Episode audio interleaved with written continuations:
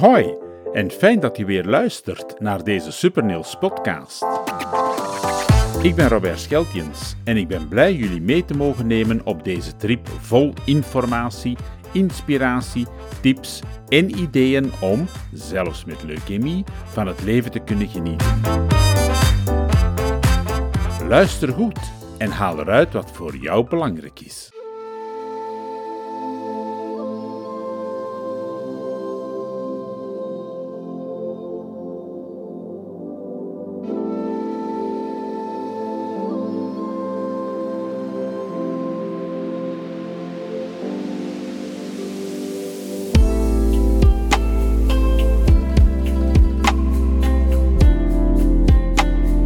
Vandaag de laatste aflevering van seizoen 1 van de Leukemie Supernils Boost Factory podcast. Meteen ook de eerste aflevering van een hopelijk mooie reeks van interviews met patiënten van de afdeling hematologie uit diverse ziekenhuizen in de volgende seizoenen. Vandaag ontmoette ik de heer Luc Lievens in het Klina ziekenhuis te Braschaat. Een ongelooflijk moedige man die ondanks zijn ziekte, acute myeloïde leukemie, het leven blijft bekijken langs de positieve kant. Gezien zijn hogere leeftijd van 78 jaar, komt meneer Lievens niet in aanmerking voor de meer agressievere behandelingen van deze ziekte, waardoor zijn levensverwachting serieus wordt ingekort. Maar zelfs dan blijkt hij gelukkig te zijn en te kunnen blijven genieten van alles wat hij heeft en heeft gerealiseerd. Een mooi verhaal waarvan ik toch even stil werd, maar een verhaal waaruit levenslessen kunnen getrokken worden. Hopelijk hebben jullie er ook iets aan en biedt het verhaal van Luc Lievens jullie de nodige kracht om te blijven vechten tegen de ziekte en alles uit het leven te blijven halen. Maak het je gemakkelijk en luister naar deze moedige getuigenis.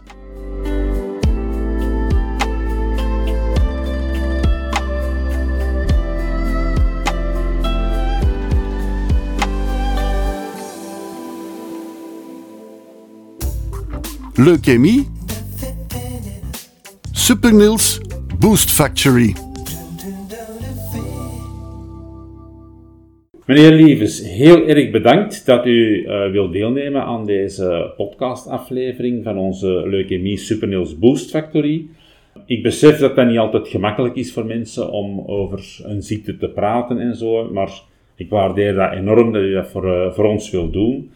Voordat we starten met de negen moeilijke vragen, uh, zou ik misschien eerst willen vragen aan jou om te vertellen wie je juist bent. Heel kort, gewoon even weergeven wie je bent, zodat we weten wie er voor onze microfoon zit. Uh, ik ben Luc Lievens. Ik ben geboren in Turnhout. Ik ben dus een Kempenzoon, maar heel mijn leven gewoond in Antwerpen of in Vaschaat en nu recent in Capellen.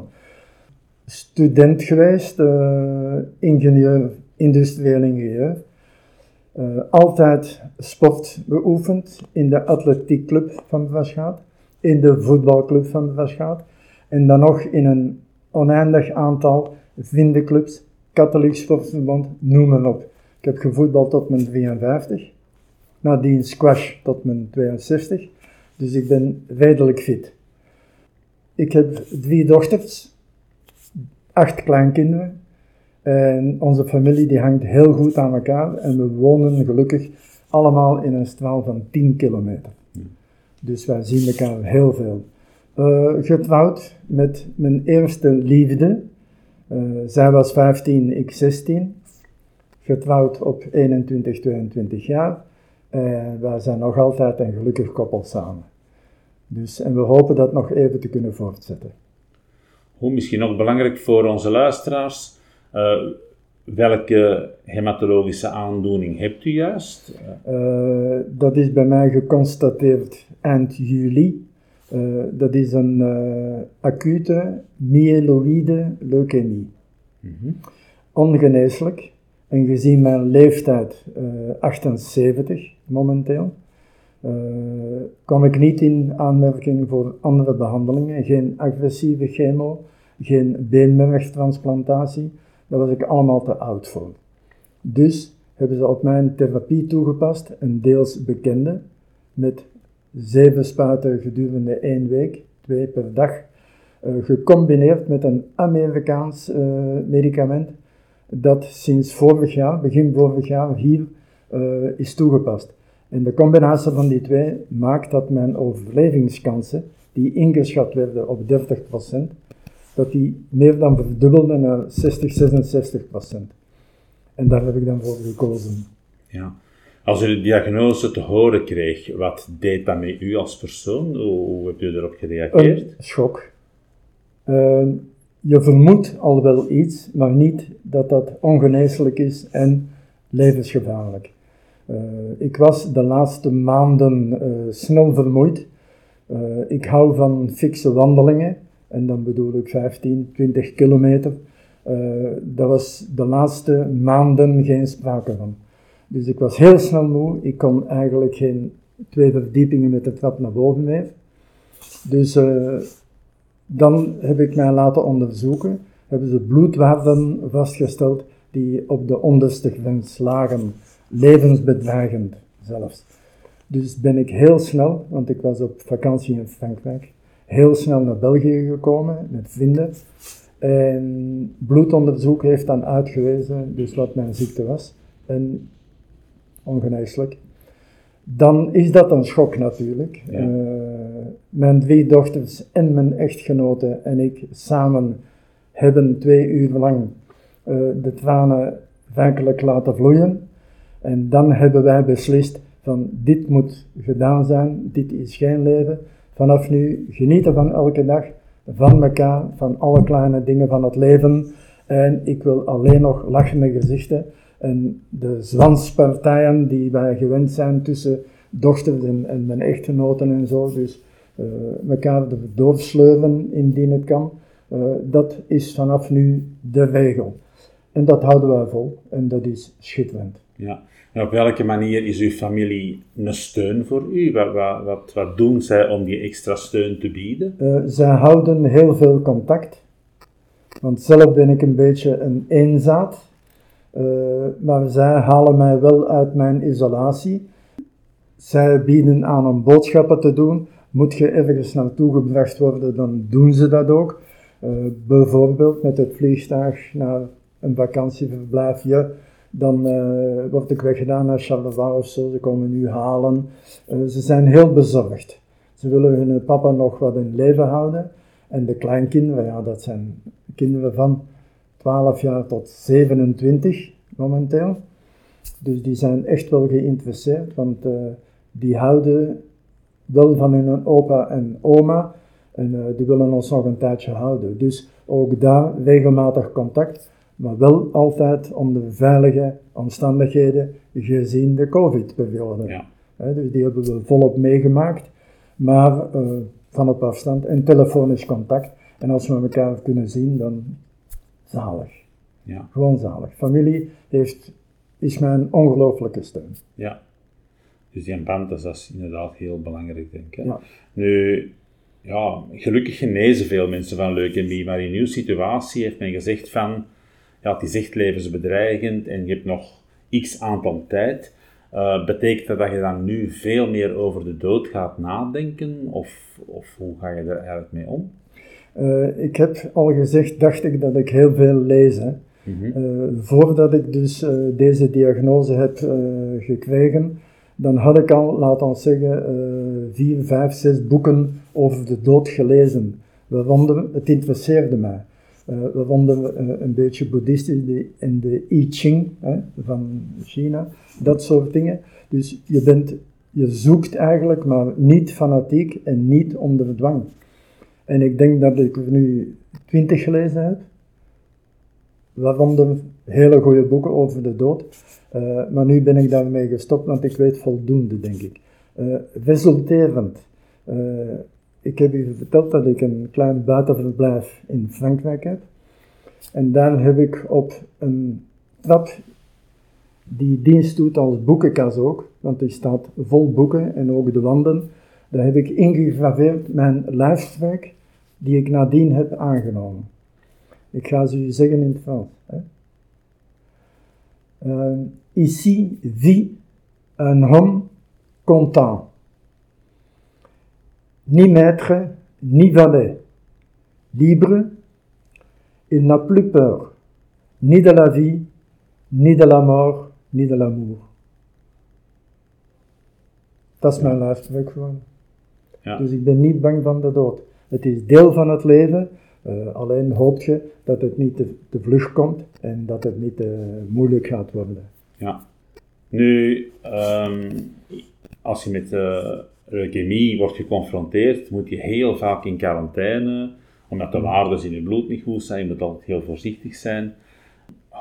Hoe ga je om met de eenzaamheid? Vind je dat erg of vind je dat niet erg? Uh, ik vind dat niet erg, want uh, in de familie werd ik altijd al beschouwd als een eenzaad.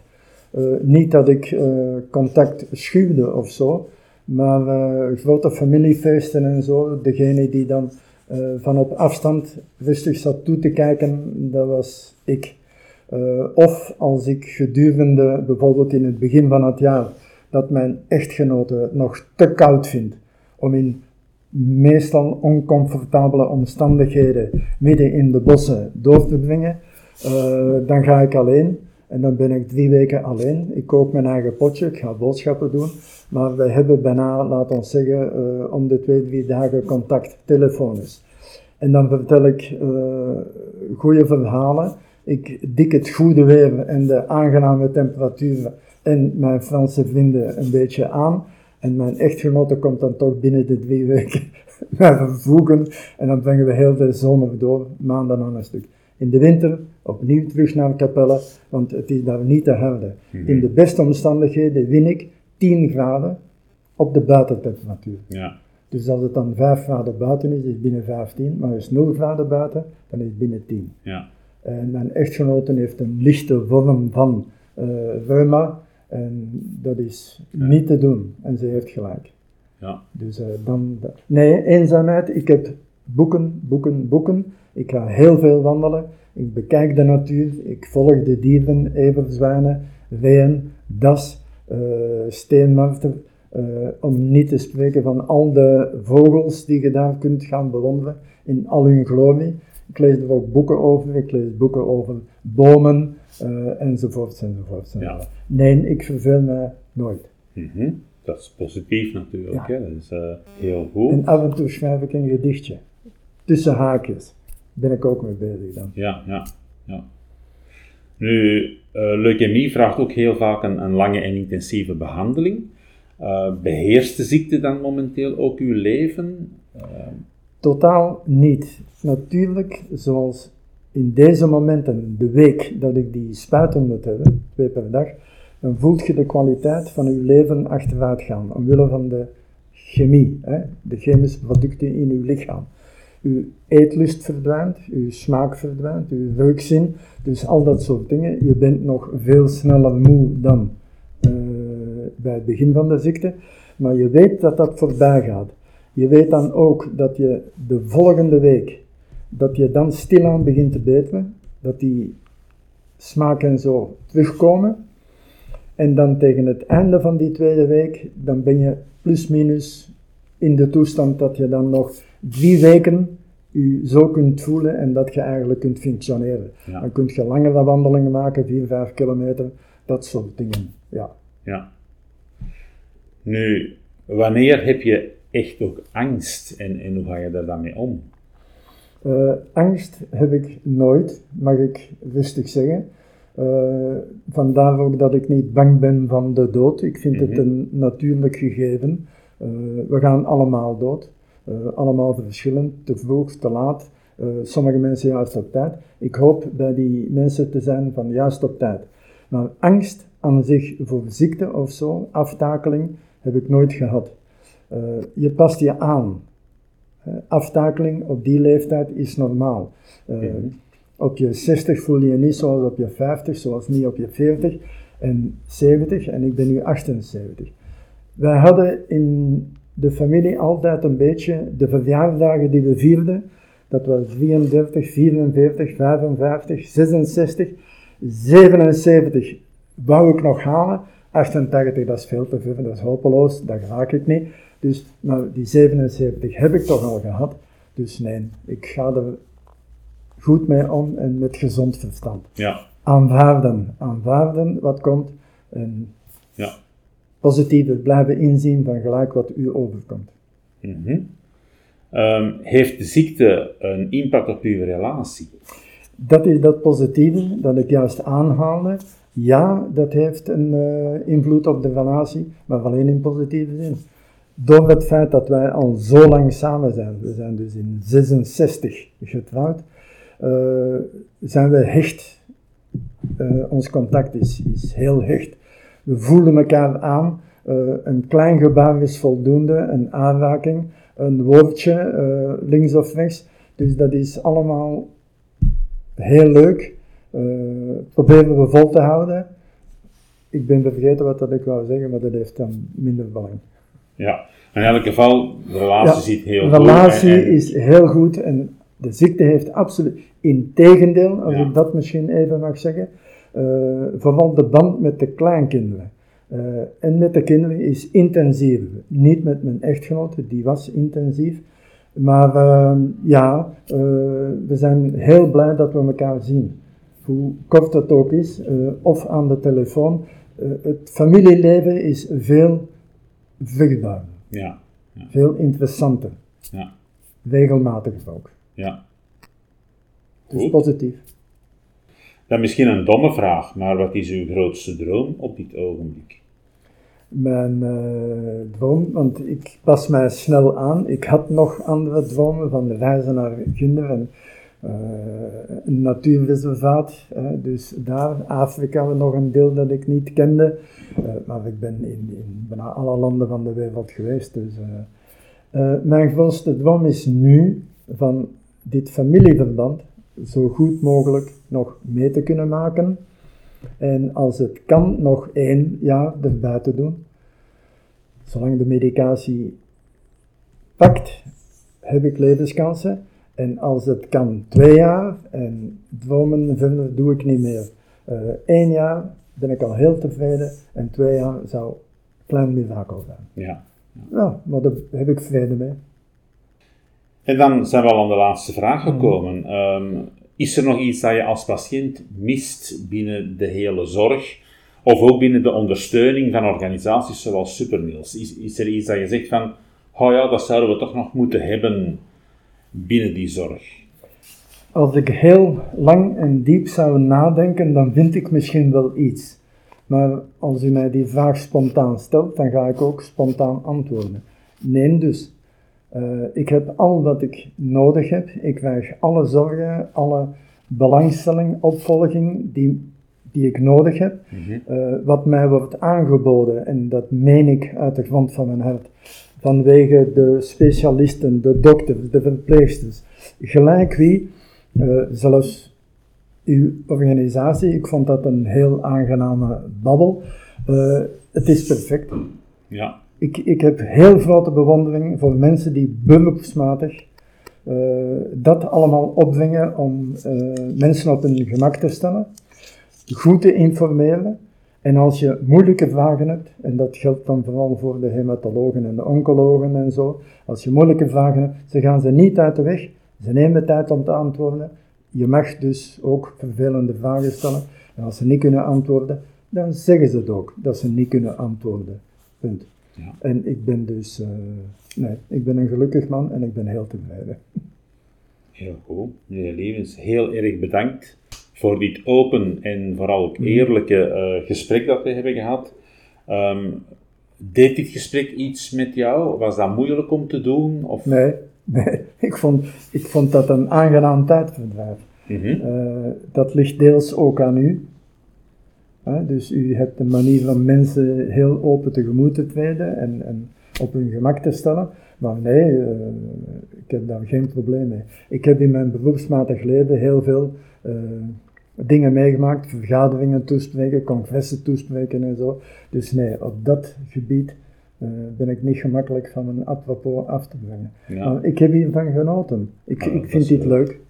Als jij dan binnen, binnen twee maanden, drie maanden nog eens iemand nodig hebt en je vindt niemand, jij mag altijd terug bij mij komen. Dat is perfect, dat is heel goed. Ehm, wat zou je nog willen meegeven aan de luisteraars? Iets dat je zegt van, dat moet je echt meepakken. Eh, als je ziek bent, je hebt leukemie, wat moet je meepakken dan vanuit dit mooie gesprek dat wij hebben gehad? Ik heb, het, ik heb misschien makkelijk praten. Eh, mijn ziekte is beheersbaar, ongeneeslijk. Ik ga eraan sterven. Ik heb dat allemaal geaccepteerd. Dus in een, moeilijk, in een moeilijke situatie. Eh, wat je niet kunt veranderen, je kent allemaal die uitdrukking, dat moet ook niet veranderen. Hè. Je moet je daar neerleggen bij bepaalde situaties, maar je moet er wel de positieve kant van blijven inzien. En eh, kniezen, eh u terugtrekken, eh, wenen, al dat soort dingen, dat kan wel eens gebeuren of gelijk wat, maar dat helpt u eigenlijk niet vooruit.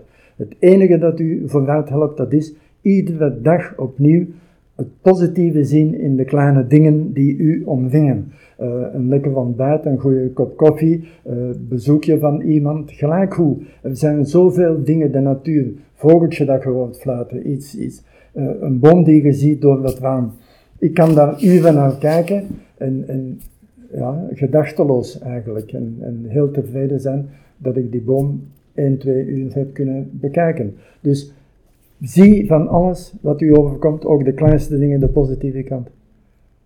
En dan blijft je gelukkig. Ja, Ik toch, in ieder geval. ik denk dat dat een heel mooie eh, zin is om mee af te sluiten. Alvast nog eens een hele dikke merci voor dit eh, interview. En eh Super Niels gaat samen met u duimen dat je zeker uw droom nog kunt realiseren. En laat ons hopen dat je nog minstens één, maar hopelijk twee of drie jaar verder kan. We spreken af, hè. binnen een half jaar zeker. En binnen een jaar een nieuw interview. Ah wel, Hoe dat gaat zeker ondertussen met de Luc? Ah wel, dat gaan we zeker doen. Gaan we doen, zeer zeker. Dikke merci. Dag. Dank je wel. Graag gedaan. Boost Your Life. Wat een verhaal. Komt toch wel binnen, maar is tegelijkertijd ook zo mooi. Luc Lieves toont ons immers dat blijven genieten van de kleine dingen om ons heen o zo belangrijk is. Genieten van onze familie, genieten van vrienden, genieten van de natuur om ons heen. En vooral niet kniezen over de ziekte en wat allemaal niet meer kan, maar positief blijven vooruitkijken naar alles wat nog wel mogelijk is. Dat positivisme zal me altijd bijblijven. Onze eigen zoon Niels had dit ook. Positief blijven en blijven vechten om alles nog uit het leven te kunnen halen. Het besef dat de dood iets is wat iedereen zal overkomen, vroeg of laat, weten dat je daar niet angstig voor moet zijn. Luc verwoordde het zo mooi in deze podcast. Zijn uitleg brengt rust en geeft de kracht om verder te gaan en dit onvermijdelijke zo lang mogelijk uit te stellen. Ik hoorde ook dat familie en vrienden erg belangrijk zijn. Er zijn voor elkaar, steun bieden, contact blijven houden. Het zijn zaken die voor een patiënt een grote steun zijn en die kunnen helpen om de kracht te vinden om te blijven vechten. Ik hoop dat jullie deze aflevering ook zo hebben ervaren. Ervaren als een levensles.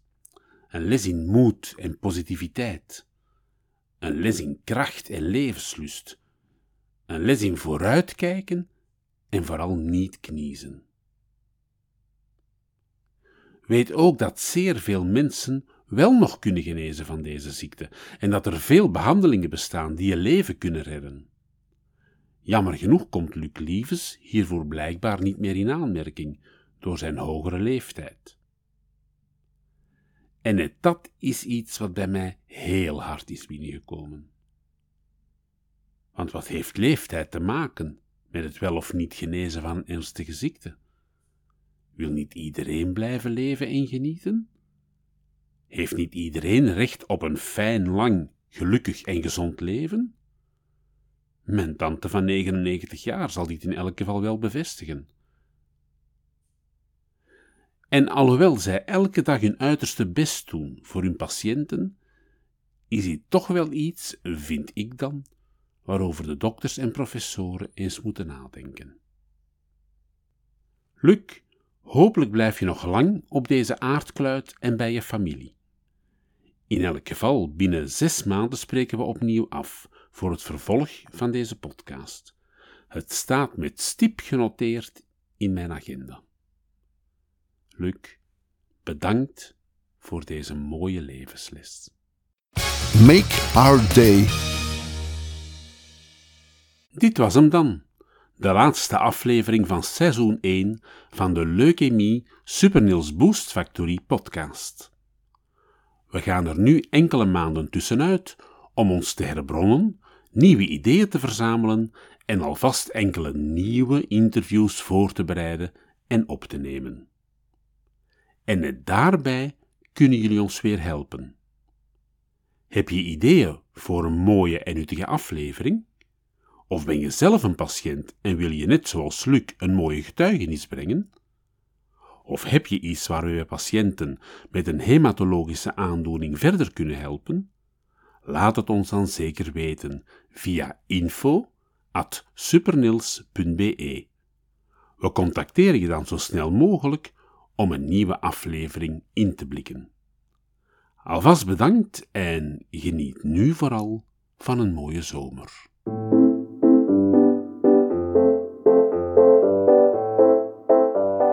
Heel fijn dat je weer luisterde naar onze Supernils podcast Leukemie Supernils Boost Factory.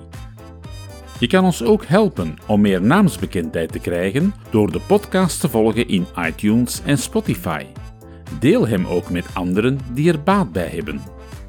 Neem tevens een kijkje op onze website www.supernils.be en leer ons nog beter kennen.